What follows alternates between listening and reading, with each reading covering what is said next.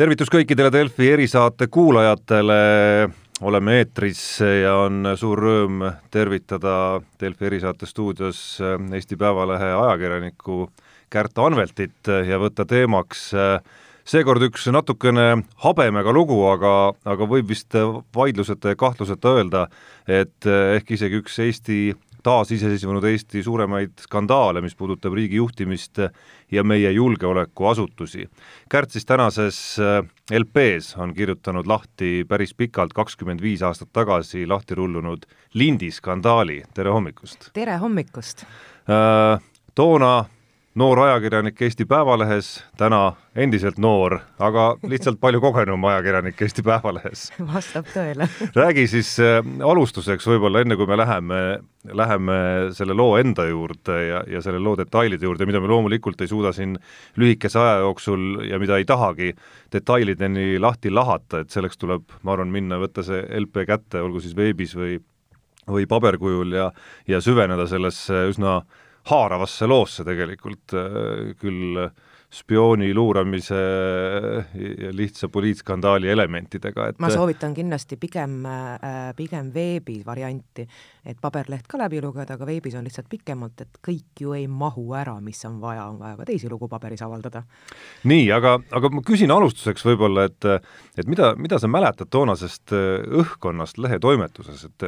et üheksakümne viienda aasta lehetoimetus versus kaks tuhat kakskümmend ja, ja üleüldse meedia ja ajakirjandus äh, on ikka väga erinevad, äh, väga erinevad nähtused, vähemalt, vähemalt mingites äh, osades. et kuidas sulle tundub, et, et kuidas, kuidas see kajastus käis, kui sa, kui sa võrdled, kuidas täna poliitskandaale ja, ja selliseid ühiskonda raputavaid üritusi ja, ja sündmusi ja juhtumeid kajastatakse? no esiteks mõelda kas või tehnika arengu peale mis sellel hetkel võrreldes praegusega oli ju null. et äh, kui praegu võtad äh, mobiili ja helistad erinevad allikad hästi kiiresti läbi ning küsid, et kas see nüüd võiks tõele vastata, siis toona sellist võimalust ju ei olnud, ehk et äh, näost näkku kohtumised ja heal juhul said lauatelefoniga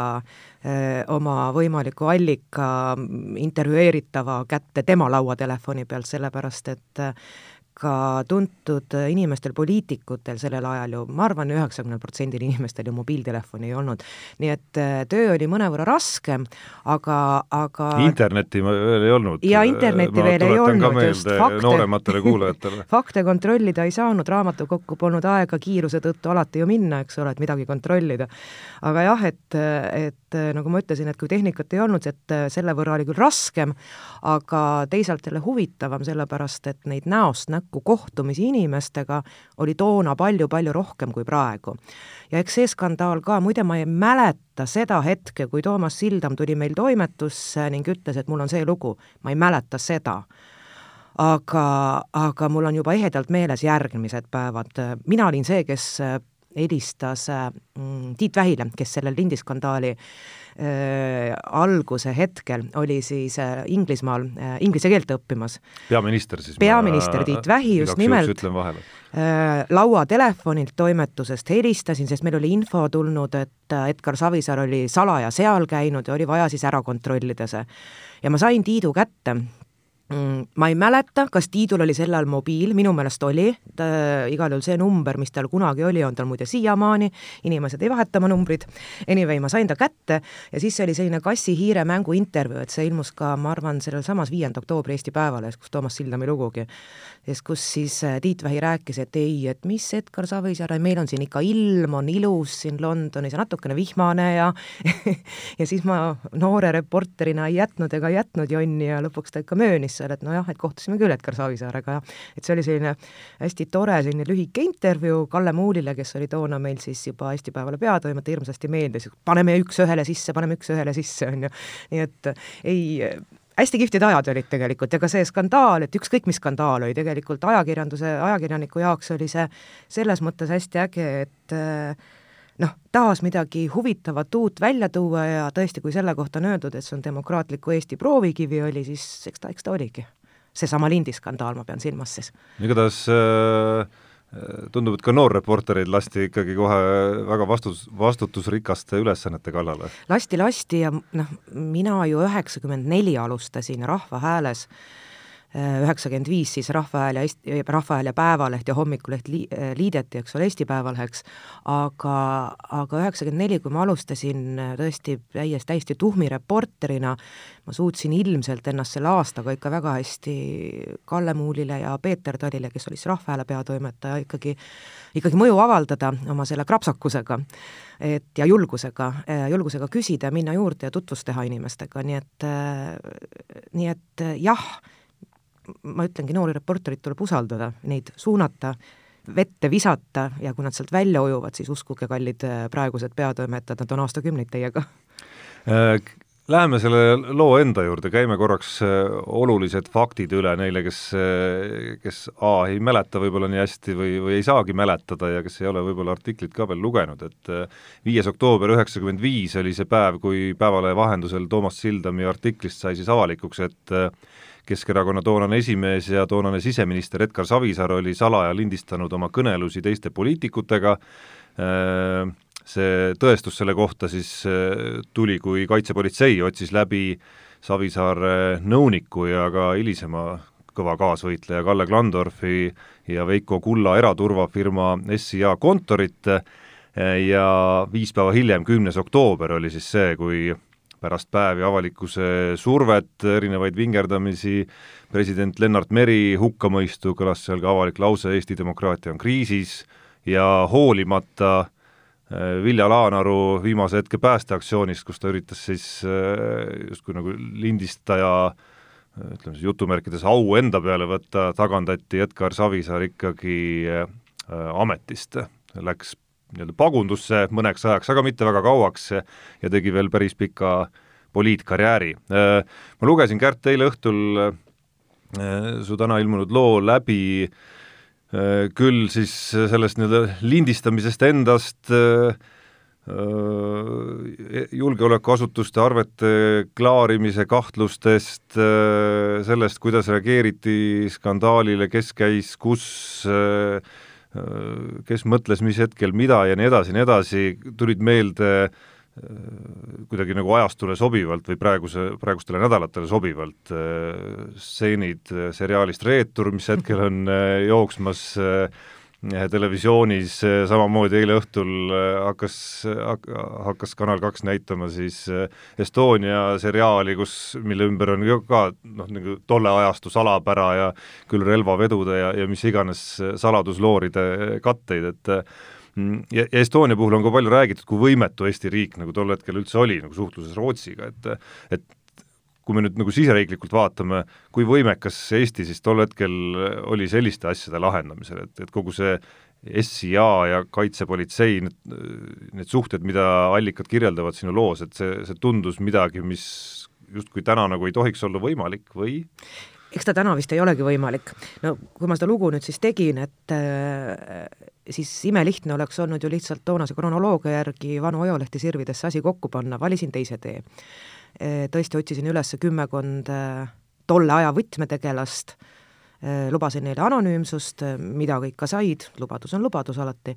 ja ütlesin, et räägime, mis te praegu meenute, meenutate, sellepärast et ajalugul, ajalool on aeg-ajalt komme ju ennast ümber kirjutada. Aastakümneid hiljem, kui hakkavad tulema välja hoopis teistsugused faktid, et tõsi, et inimeste mälu võib selektiivne olla, aga mõnel on ju, mõnel on ju ka mingisuguseid ülestähendusi tehtud, mis ka ühest siit, sellest loost ju ühe allika puhul välja tuleb aga mina arvan, et äh, ma nüüd tõesti, kui ma mõtlen selle aja peale, kui ma seda ise toona selles, selles, selles juhtumis sees olin ja seda kajastasin ja nüüd praegu, kui ma ta uuesti ette võtsin, kakskümmend viis aastat hiljem, mina ütlen küll, et riik oli võimekas. et äh, jaa, me ei saa siiamaani tegelikult ju täpselt aru, et, et milles see, milles see jama ikkagi tekkis, et miks see SIA nii väga täpselt siis kapole ette jäi, et päris konkreetselt ei taha selle kohta keegi mitte midagi öelda. aga eh, nagu üks allikas mul siin loos ka väga õigesti tegelikult ju ütleb, et eh, kuivõrd SIA oli väga võimekas büroo, eh, kapo oli ka võimekas, aga SIA oli erastruktuur, kapo oli riiklik struktuur, siis mitte üheski riigis mitte ainult Eestis, aga mitte üheski riigis riiklikud struktuurid enda kõrval sellist tugevat erastruktuuri lihtsalt ei kannata. ja see oli lihtsalt asjade hästi loogiline käik, et see asi juhtus ilmselt oli juhus, et see juhtus just niipidi,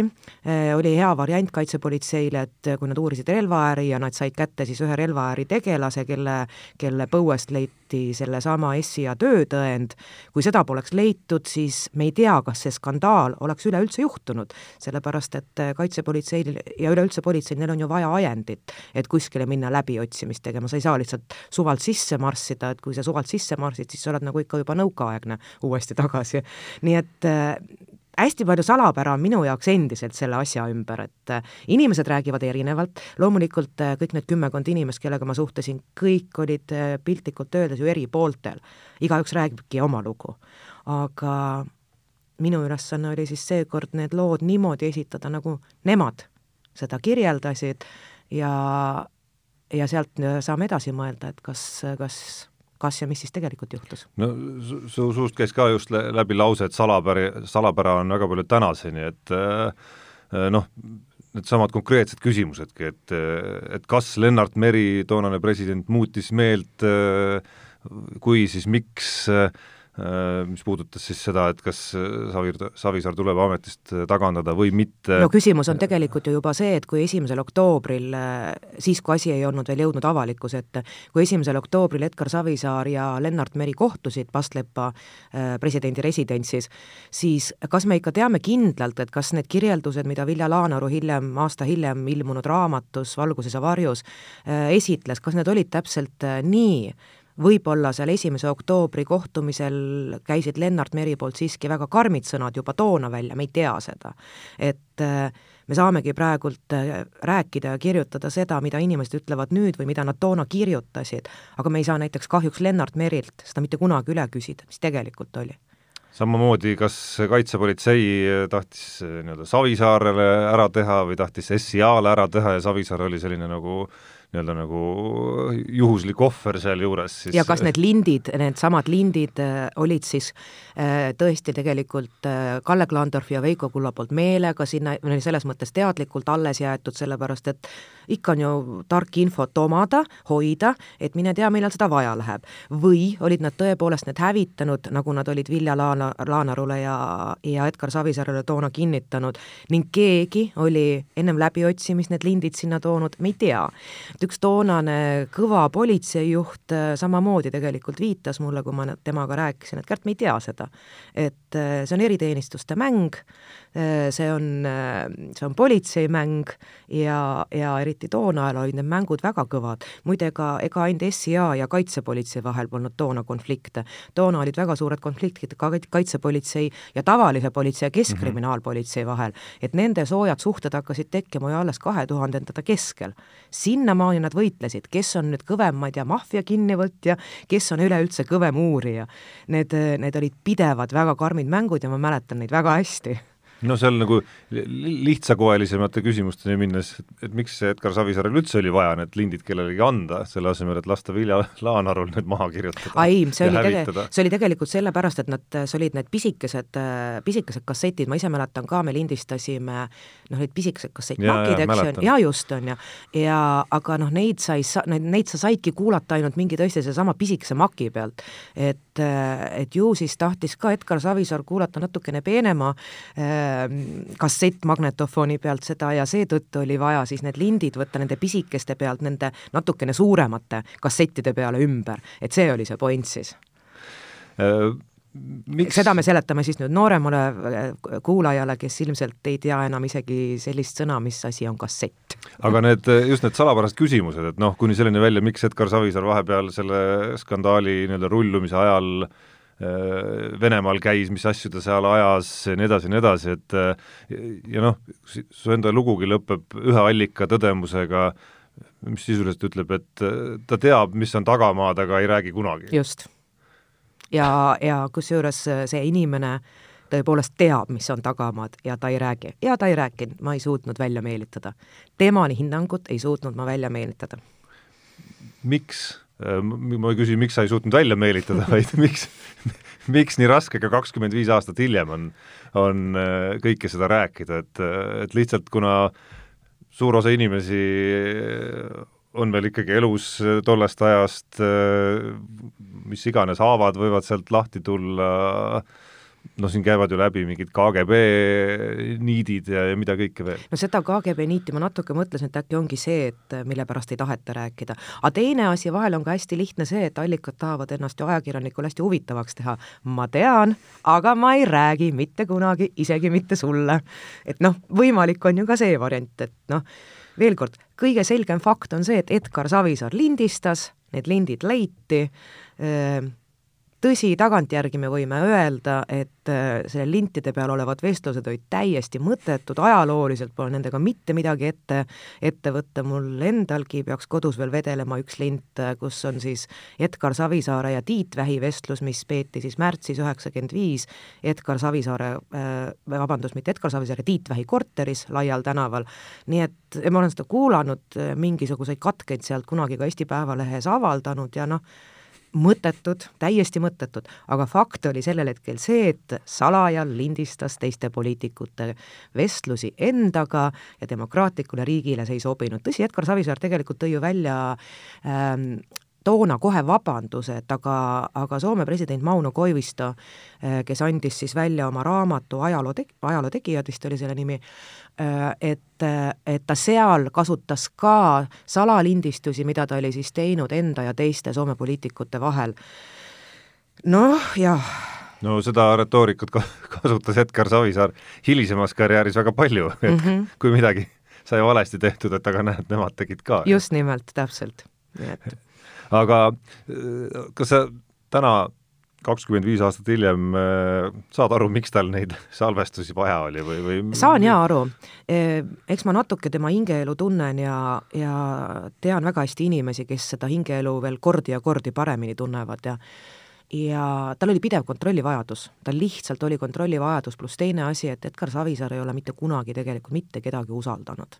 et see usaldamatuse värk on tal selline suur probleem. pluss, mida, mida ütles mulle nüüd üks inimene, kellega ma sellesama loo teemal kas üle-eelmine nädal kohtusin, siis ta siis ta ütles, et Edgar Savisaare suur puudus on ka see, et ta tegelikult ei ole osanud enda ümber meeskonda teha, et ta on valinud valed inimesed võib-olla ta alateadvuses sai sellest aru, et ta valib pidevalt enda ümber valesid inimesi ja, ja siis otsustas, et salaja lindistab ja noh, kindlasti oli ka soov, et võimal, võimalusel hiljem siis manipuleerida nendesamade lintidega, veel kord, mis olid sisutühjad. kuidas selle vastutuse võtmise poolega poliitikas ja, ja, ja selle osaga, et, et noh, tänaseks me oleme harjunud, et nii-öelda vastutuse võtmine kuidagi on, on selline täiesti omaette äh, ma ei saa öelda žanr poliitikas, aga, aga see tuleb noh, mingite lugude ja mingite tegude puhul tuleb alati ikkagi see väljend juba nagu jutuks, et kuskil on see samm nii-öelda poliitõpikus ju olemas, et äh, aastal üheksakümmend viis noh, see oli ju nagu õppi-, õppimisfaas ikkagi Eesti demokraatiale ja poliitikale. see oli õppimisfaas ja ega tuletame meelde, ega Edgar Savisaar ise ju ei soovinud tagasi astuda. et äh, mitte mingil juhul, et see oli Lennart Meri, kes selle hästi karmi lõike ära tegi, president Lennart Meri, sealt edasi läks see poliitiline kultuur minu meelest äh, väga positiivset rada pidi, kuni ütleme siis nüüd viimase kahe tuhande üheksateistkümnendal aastal moodustatud valitsuseni. et, äh, et sinnamaani ka praegu tagantjärgi mõeldes suhteliselt mõttetute asjade eest astusid ministrid tagasi. Nad võtsid vastutuse praegu seda enam ei tehta. et äh, kui me vaatame nüüd äh, viimast valitsust, äh, sealseid mõnede ministrite väljaütlemisi, siis mind, mind on tohutult häirinud kogu see aeg, et kuidas nüüd on poliitiline kultuur köögitüdruku kultuuriks muutunud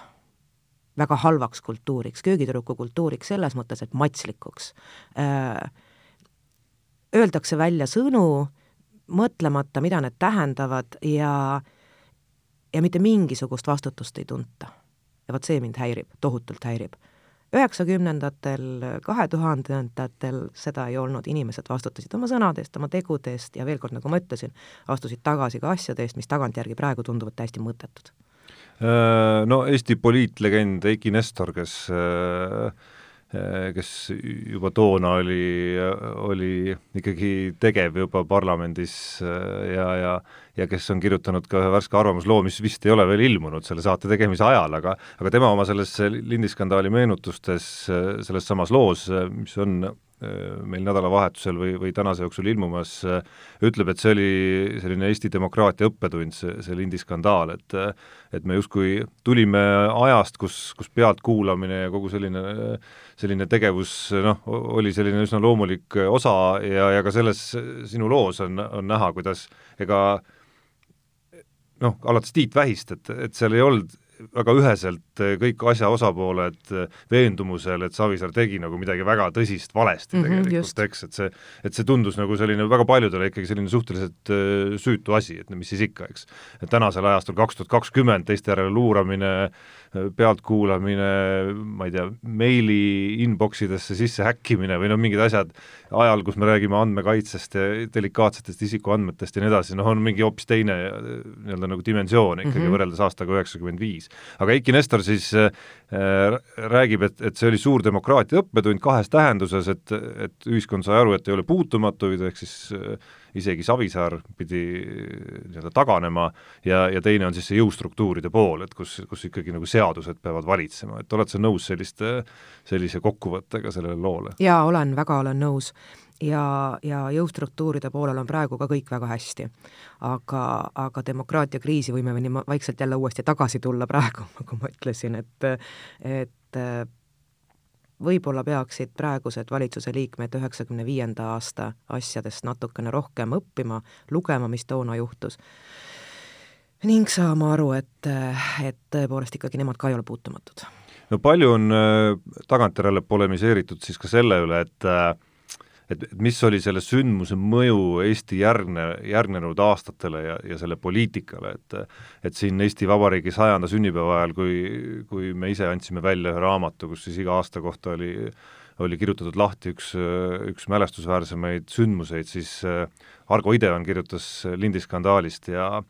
ja, ja leidis seal ja ehitas selle loo üles just sellele, et, et see oli, see oli siis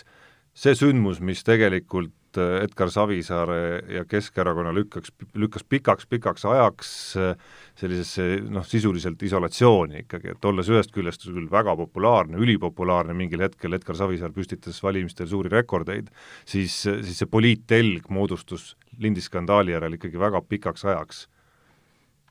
Jaa, täiesti nõus, et ta sai korra ju vali-, ta sai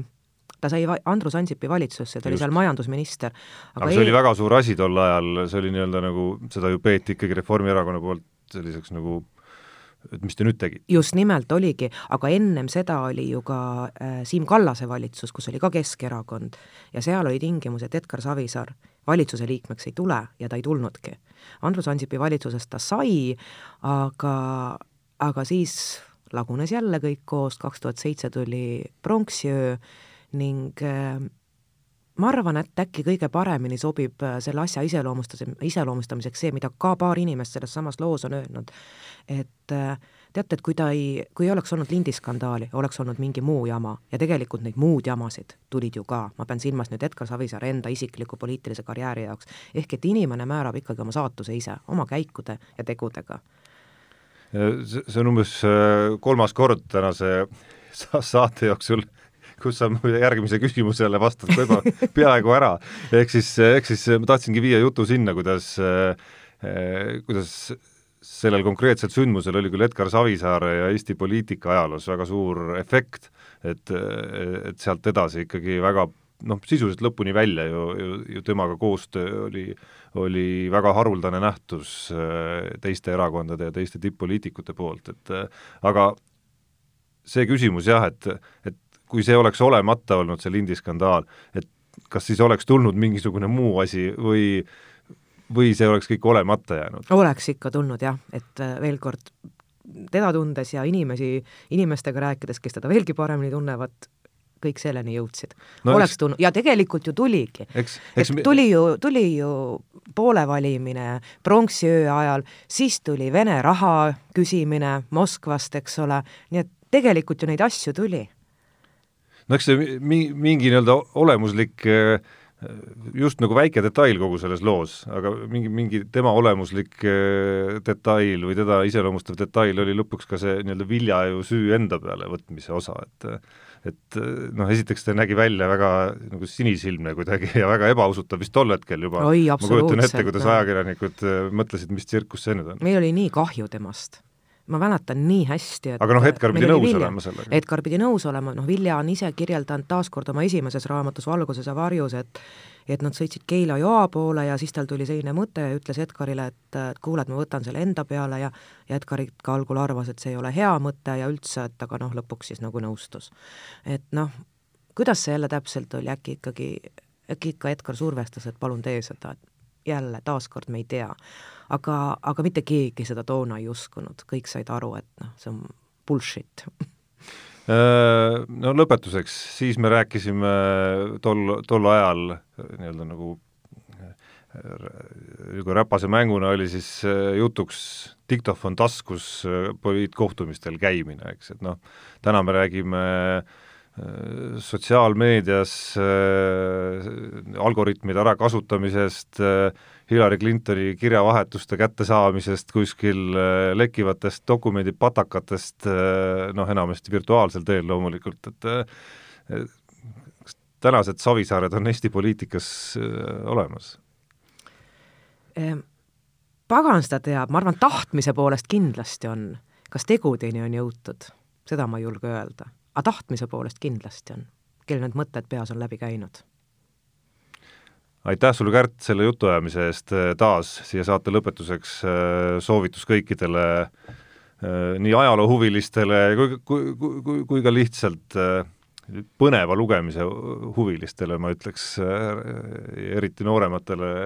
asjaosalistele ja ka vanematele, kes saavad vaadata, kuidas nii-öelda toonased asjaosalised siis noh, selles mõttes natuke turvalises äh, õhkkonnas, ehk siis anonüümsena ikkagi, ikkagi meenutavad täna ja vaatavad täna neid asju. ja ärgem äh, arvakem ning äh, mõelgem nüüd, et see võib olla lõplik tõde. nii, aitäh sulle veel kord, Kärt, head lugemist kõikidele kuulajatele, järgmine erisaade eetris juba laupäeval